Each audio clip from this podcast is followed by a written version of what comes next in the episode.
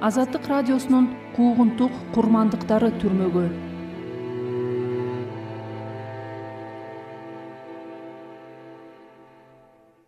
Өткөн кылымдын сексенинчи жылдары памирден туркиянын ван аймагына жер оодарган кыргыздар.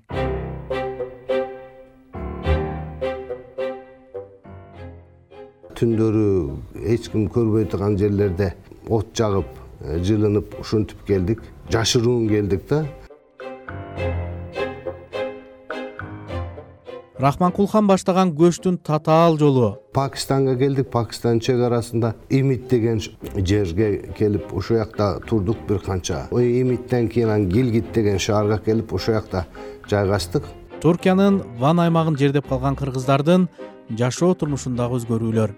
Өзгөрөт экенсиз тилиңиз деле өзгөрөт экен кийим кечеңиз деле өзгөрөт экен а бул бир агат экен да процесс экен. Сактап калуучу нерселер кудайга шүгүр сакталып атат куугунтук курмандыктары подкастында туркиянын дижиле университетинин окутуучусу акын абдул мукадес кутлуу менен вандагы кыргыздар чоң атасы рахманкулхандын керези тууралуу маек курабыз. Подкастты мен айбек абдылдаев алып барам.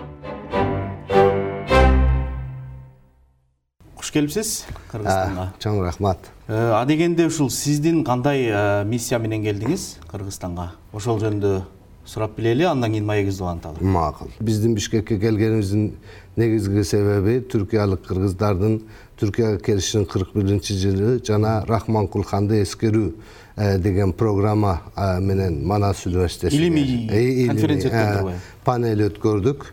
Көргөзмөбүз болду манас университетинде. Эми буюрса бул иш сапарды ош университетинде улантып аяктайбыз. Сиздин эсиңизде барбы ошол көч? э, кантип көчтү эле канча киши көчүп барды эле андан кийин башка аймактарга дагы тарап кеттиби же вандын өзүндө эле калдыбы? Миңдей киши деп айтылып жүрөт э? Бар ооба. А менин эсимде бар. Кичүү болчумун бирок эсимде бар. А биз билесиңер анан бул көчмөн элдер жайлоо кыштоо деген түшүнүк бар эмеспи. А бизге айтышкан жок. Ушундай оор иш башыбызга түштү биз буякты таштап кетип атабыз деп айтышкан жок а бизде мезгилди деле анча сезген жокпуз балалык кез.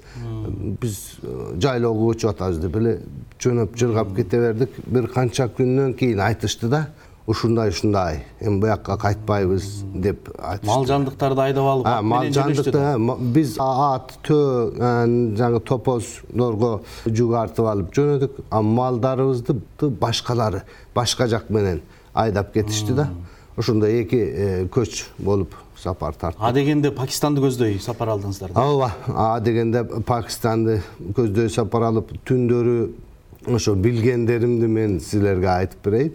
Калганы мүмкүн мен үчүн жомок сыяктуу да түндөрү эч ким көрбөй турган жерлерде от жагып э, жылынып ушинтип келдик жашыруун келдик да анткени биз билбейт элек эмне үчүн жашыруун келгенибизди анан кийин түшүнүп аттык да. Бизге да аябай кооптуу экенин ошентип э, пакистанга келдик. Пакистандын чек арасында имит деген жерге келип ушул жакта турдук бир канча. Афганстан менен чек арасы. чек арасындагы имит анан чек арадан имиттен кийин анан гилгит деген шаарга келип ошол жакта жайгаштык бир э, дарыя бар атын унутуп калдым. Ошол дарыянын жээгинде чатырдан англис тилиндеги кемп деп айтышкан да кемп биз өз тилибизде камп деп койгонбуз. Кемпке барып ошол э, кемпте жайгаштык менин атам чоң атамдар болсо шаардан эле үй жалгашып ошо үйдө жашадык. Биз ошо сабак бүтөрү менен эле ошо кемпке барып тууган уруктар менен бирге ойноп жүрчүбүз да. Ошентип оор абал эле кыйын канча кармалып анан ванга кеттиңиздер? Ал жерде пакистанда төрт жыл жашадык. Төрт жылда аяктын салт санасыга деле тиричилигиге деле көнүп ошол эл катарында эле жашай баштадык. Албетте кыйынчылыктар болду. Ысыгына көнө алган жокпуз суугуна көнө алган жокпуз дегендей андан сырткары биз окуй баштадык мектепке барып пакистанга мектепке барып окуй баштадык. Кайсыл тилде э, сабак ала баштадыңыз э, урду тилинде.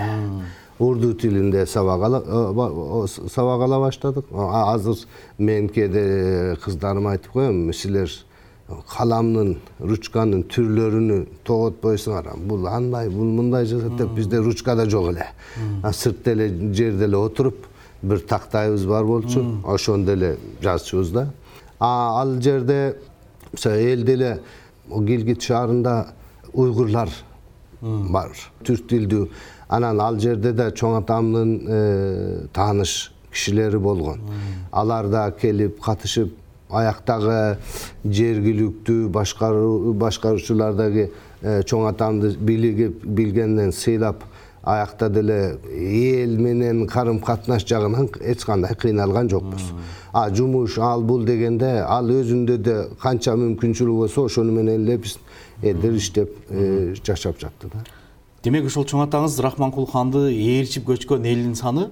Ошол кезде миң миң үч жүз миң үч жүз э? Бул чамасында бар болчу. Ооба кыргыздар памиринен улуу памирден көчкөн. ооба андан башка ошол жака баргандан кийин казак же бир кыргызга тектеш башка элдер да бар бекен ошол пакистанда? Бар. Анда бар эле. Мисалы биз алар да качып барган ооба качып барган ошол жака анан эч каяка барганга кеткенге мүмкүнчүлүгү болгон башы болбогон э, элдер болчу да. Анан э, чоң атам могу гилгитке барып башка мамлекеттер менен туркия менен сүйлөшүп эң негизгисинде туркия менен сүйлөшүп анан туркия биз алып кетебиз дегенде чоң атам айтканда э, жалаң эле мен кыргыздар эмес. Буякта казактар түркмөндөр өзбектер бар. Биздин жалпы саныбыз төрт миңден ашуун алып кетсең баарыбызды алып кет дегенде ошол кездеги президент макул болгон. Канча кишини алып келсең өзүң менен канча киши келем десе баарын алабыз деп э, чоң атама сөз берген. А ошондо биз э, түркияга төрт миң чамасында киши келдик.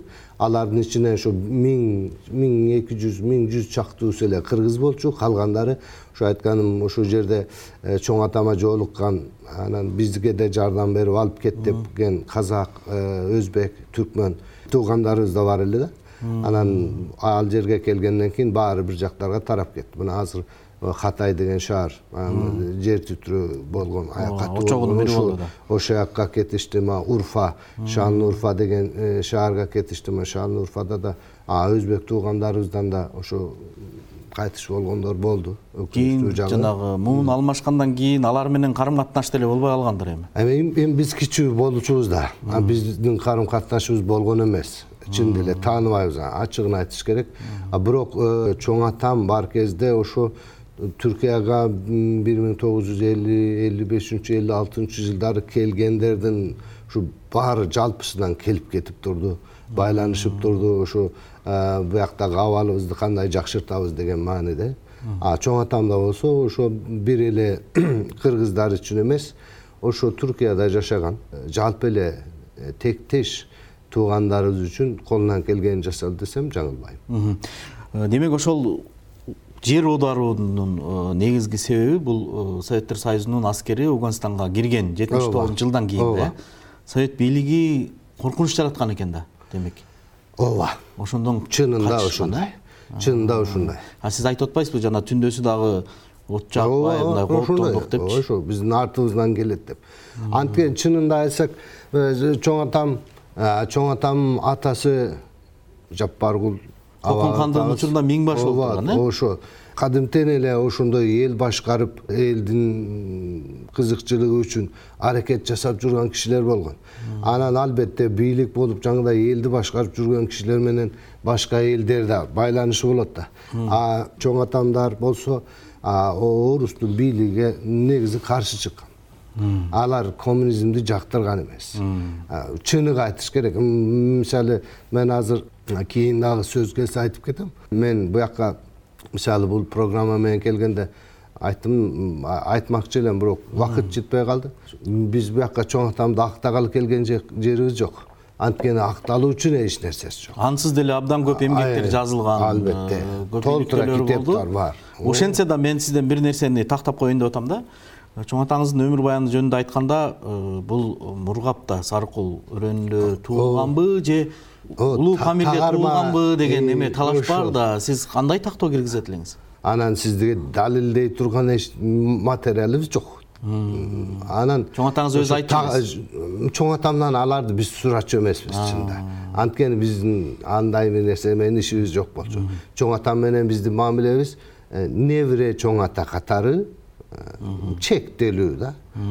Чоң атам менен барып дүйнө дүйнөлүк саясат туурасында же болбосо башка туурасында балким атаңыздан уктуңуз деген атамдан атамдар деле негизинде чынында бизге көп андай нерселерди айткан эмес а биз деле колдо бардын баркы жок дегендей биз деле аларды тактап сурабаппыз чынында. Азыр менин эң катуу өкүнүчтөрүмдөн бирүүсү да эми азыр окумуштуу болуп андай мындай изилдеп дегенди көргөндөн кийин айтам ушуларды эмне үчүн сурап албадык ушуларды эмне жазып албадык? деген өкүнүч бар.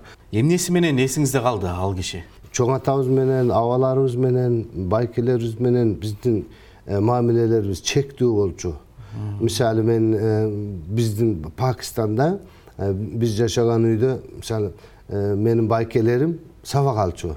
Атайын мугалим келип сабак бергенде ошолордун сабак өтүп аткан бөлмөлөргө дагы кирбейчүбүз да. Анткени бизге ушундай үйрөтүлгөн да чоң менен кандай сүйлөшүш керек? Же өзүңдүн катарыңдагы кишилер менен кандай мамиле түтүшүң керек депчи ал жагынан биз чоң атабызга кирип түздөн түз эл башкарган бир адамга дүйнө тааныган бир адамга барып андай мындай деп сурабайт элек. А биздин мамилебиз аябай жакшы болчу. Мисалы неберелерине же болбосо балдарды бүт баардык балдарга мамилеси аябай жылуу сылык анан аларды бир нерсеге көндүрө тургандай мамилелер келечекте сабак ала турган мамилелер сөздөр айтчу да. Мисалы мен кечээ да айтып кеттим мисалы бизде кичинекейбиз барып салам айтып колдон өпкөндөн кийин сөзсүз мындай кулагыбызды катуу кармачу да. Оорудубу оорудубу депчи.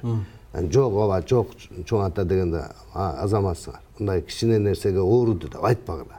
Булар оору эмес деп койчу да. А азыр көрсөк туура экен. Булар өтүп кетчү оорулар экен чыныгы оорулар башкача экен депчи. Анан э, бизге аябай кызык болгон нерсе кечинде барып чоң атабыздын кол бутуга массаж жасап бергенди биз аябай жакшы көрчүбүз. Бүт нерсени сурайт.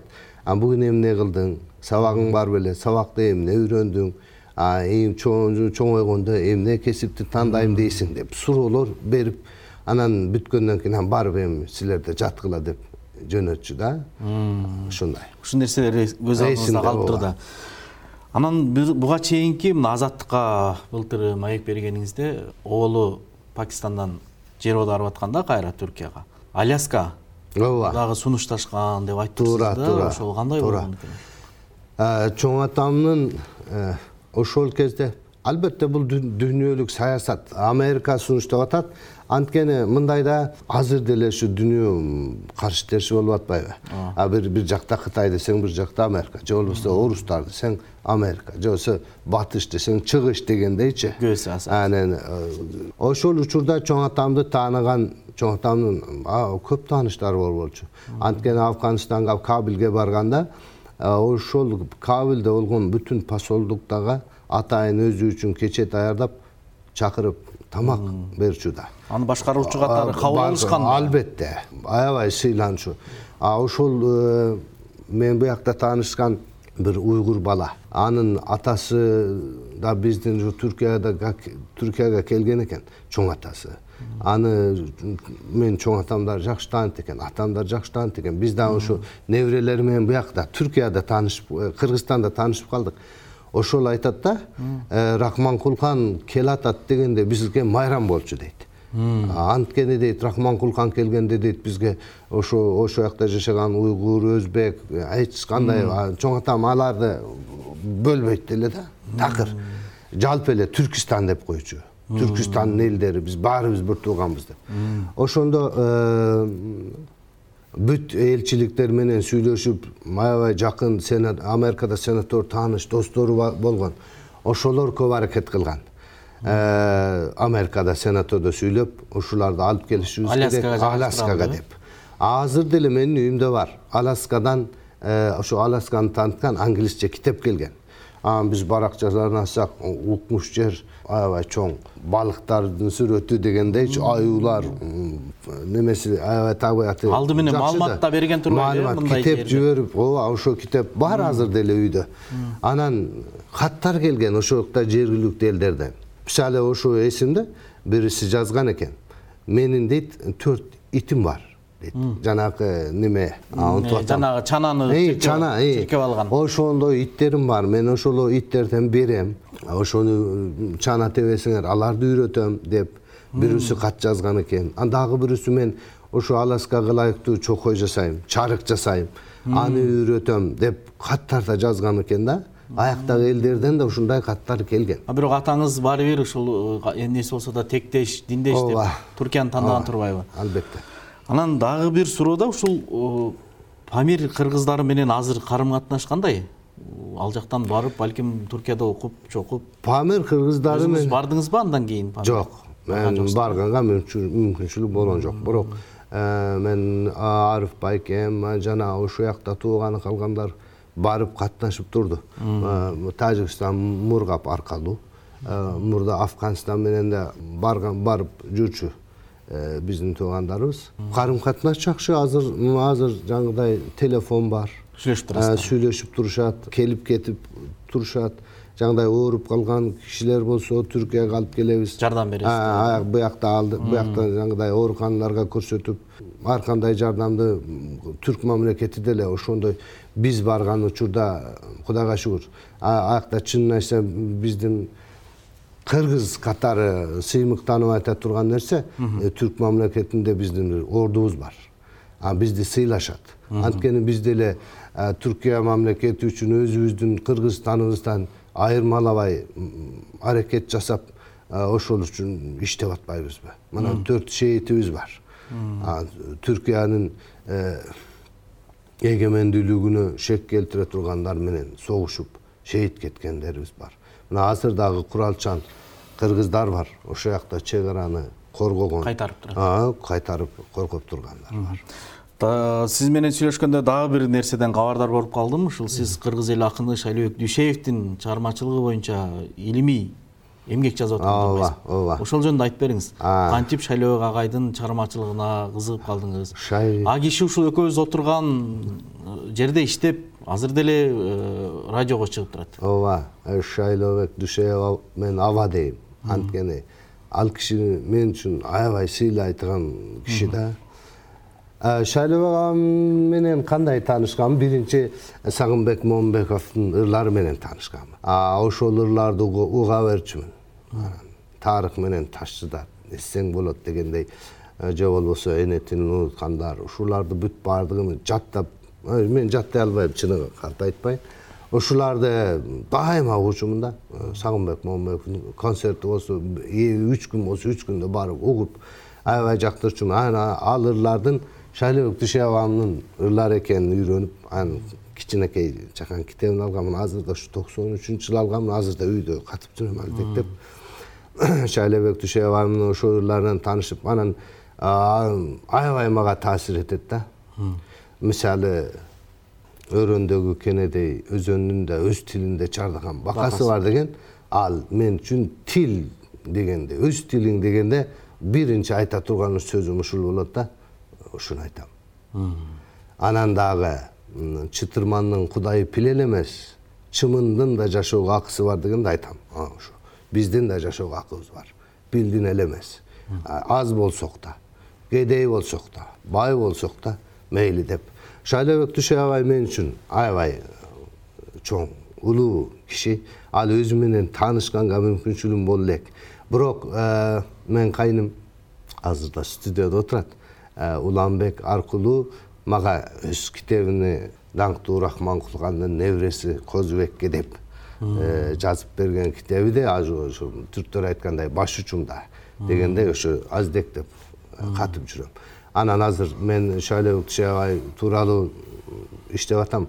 Кудайдын тоосу кулады деген китеби бар билесиз. Жыңгыз айтматовго арнап жазылган ошол тууралуу иштеп атам. Анан айттым менин буяка келгенде шайлообек дүйшеев аба менен да таанышып ошо шайлообек дүйшеев абам тууралуу э, жакшы жакан колдон келишинче бир китеп чыгарып түркияда жарыялап анан мүмкүн кыргызстанда жарыялап э, шайлообек дүйшеевди сөзсүз түркияга дүйнөгө таанытышы керек анткени менин көзүмдө ал улуу акын да ошондой буюрса жүз көрүшүп каласыз эми буюрса мына өзүңүз дагы акын катары ыр жазат экенсиз ооба кыргыз тилинде жазасыз да кыргыз тилинде түрк тилинде жазам эки тилде да жазам эркин эки миң беш жылында түрк тилинде китебим чыккан андан кийин убакыт болуп китеп чыгарган жокмун түркияда биринчи болуп кыргыз тилинин грамматикасыны түрк тилинде бир агай менен бирге жазып чыктык.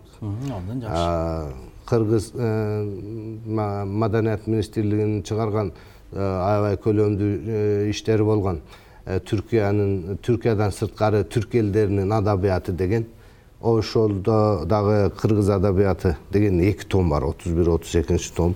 Ошондо иштегенмин ошо кыскача да. Азыр туркияда жогорку окуу жайда иштейсиз э азыр туркияда дижле университет деген университет бар диярбакыр шаарында. Ошондо сабак берем. Азербайжан тилинде гагауз тили адабияты казак тили адабияты түрк тили жана адабияттар тууралуу сабак берем. Мына ошол чоң маданият күткөн элдин арасында жашап атып өзүңүн мындай улуттук баалуулуктарыңы улуттук тилиңи сактап жашаш да оңой эмес да туура өзүңүз билесиз кыргызда элүү жылда эл жаңы деп коет да. Ооба анан ошол жердеги биздин боордоштордун баары эле сиздей мамиле кылабы ушул кыргыз тили кыргыз маданияты улуттук баалуулуктар кандай сакталып атат? Мындай жыл өткөн сайын унутулуп бараткан жокпу сиңип бараткан жокпу деп ойлоп атам да өзүмчө. биздин айыл тууралуу айта кетсек биздин анткени эми мурда келген кыргыздар казактар түркиянын ар кайсы жерге тарап кеткен. А бизде болсо жаңы улуу памир айылы деген айыл бизди азыр коргоп турган чеп сыяктуу да. Биздин маданиятыбызды тилибизди урп ататыбызды коргоп турган. Эми биздин э, себеби баары бир жерде баарыбыз бир жерде. Мисалы азыр азыр деле чынын айтыш керек жаштар көбүнчөсү башка шаарларга жумуш иштеп кетет шартка жараша. Айла жооп а бирок жай болгондо эле баарыбыз шилто издей баштайбыз да айылга кантип кетсек? Ошо айылга чөп чабаар убакыт келди чөпкө баралы. Же болбосо андай кылалы той бар ал бул деп эле баарыбыз айылга келебиз. Э, салт санаа үрп адат ошо бизди кыргызды кыргыз кылган баардыгы эле жашап атат. Бирок э, түрктөрдүн бир сөзү бар го. Өзгөрбөгөн бир гана өзгөрүүнүн өзү деген да. Өзгөрөт экенсиз тилиңиз деле өзгөрөт экен кийим кечеңиз деле өзгөрөт экен. Ояктын ал кыргызстан түркиянын шартыга жараша кийине баштайт экенсиз сүйлөй баштайт экенсиз мамиле кыла баштайт экенсиз. Тамак аш э, маданиятыңыз дагы эле өзгөрөт экен чынында анткени биз мисалы беш бармак эт дейбиз бирок ал жашаган жерибизде буларды э, дайыма жей албайсың. Анткени оор келет. А биз буякта жаңыбай мындайча айтканда чучукту жеп жыргап жүрүп аякта жесеңиз башыңыз айланып огор келди деп көтөрө албайсыз да? Ошо жашоо тиричиликте акырындап өзгөрүүлөр болот. өзгөрүүлөр болот. Бирок мисалы жаман да жагы бар бирок аларды тосуп калуу да мүмкүн эмес. Ооба. Бул бир агат экен да процесс экен. Сактап калуучу нерселер кудайга шүгүр сакталып атат. Мисалы тойдогу э, ырым жырымдардын бүт баардыгы үрп адаттын баары корголуп атат эми кийим кече мисалы биздин э, айымдар э, эжелерибиз ошо эскисиндей эле ак жоолук салынып узун көйнөк кийип ошондой кийип жүрөт. Азыр кыздарыбыз жаштарыбыз болсо орусча айткандай современный азыркы учурдун доордун талабына ылайык эле кийип жүрүшөт. Бирок биз э, түрк элиге көнүп сиңип кетүүбүз убакыт алды. Чынында мен өзүм байкап жүрдүм мисалы э, биз э, кыргыздар жөн эле кафелерге кирип эркин отура албай жүргөнбүз. Анткени ата бабаларыбыз деле бизде мусапырбыз деп койгон мусафырбыз. Мусафыр деген конокпуз деген да. Бир нерсе болсо кой биз конокпуз аны тийишпей эле көнөлү деп жүрүп мына азыр кудайга шүгүр э, кыргыздын жаштары деле улуу памирде өскөн жаштар деле ошо түркиянын шартыга көнүп түрктөрчө армияда иштеген бар академияда университетте иштеген мугалим болгон бар врач болгон бар э, соттук жумуштарда иштегендер бүт баардык тармактарда азыр э, ошо түрк элинин жараны катары иштеп атат. Эч кандай проблема жок. Бизде азыр э, жыйырманчы кылымдын башында ушул кеңеш совет бийлигине каршы чыккан кыймылдар болгон да аны бизде жетимиш жыл бою басмачы деп ооба. Атап э, кабарыңыз болсо керек. Ба- бар. Анан азыр ушул тапта кыргыз парламентинде э, ошол учурдагы репрессия курмандыктарын актоо деген бир мыйзам долбоорун карап атышат да. Анан сиз качан билдиңиз ушул басмачылык кыймылдар кыргызстанда да болгонун? Анан чоң атаңыз сыяктуу эле бул жерде дагы эркиндикти эңсеген бир э, топтор болгону жөнүндө. Ал жакта мурда айтылчу беле же кыргызстанга келгенден кийин билдиңизби жок мурда айтылчу. Э, чоң атама айтылган жала жапкан сөздөрдөн бирisi басмачы болгон да чоң атама да басмачы деп айтышкан. А чоң атам ого ушунун а, ж- жообун берген күлүп жооп берет да. Ой мен өз жеримди басып алган басмачыбы же болбосо мен өз жерин коргогон мен басмачымын. Ушуну ушунун айырмасын айтып бер. Басмачы деген кандай? Басып алган кишиге басмачы дейсиңерби же өз жерин улутун үрп адатын корго- коргогон ошон үчүн аракет кылган кишиге басмачы дейсиңерби депчи? А бу- булардын ичинде мисалы байманаптар десе деле мен де кээде ошо социал тармактарда көрөм. Байманаптар десе алар андай кескен бучкан дейт андай кылган мындай кылган дейт мүмкүн болгон. Ар бир адам тең эмес да. Мүмкүн андай кишилер да болгон.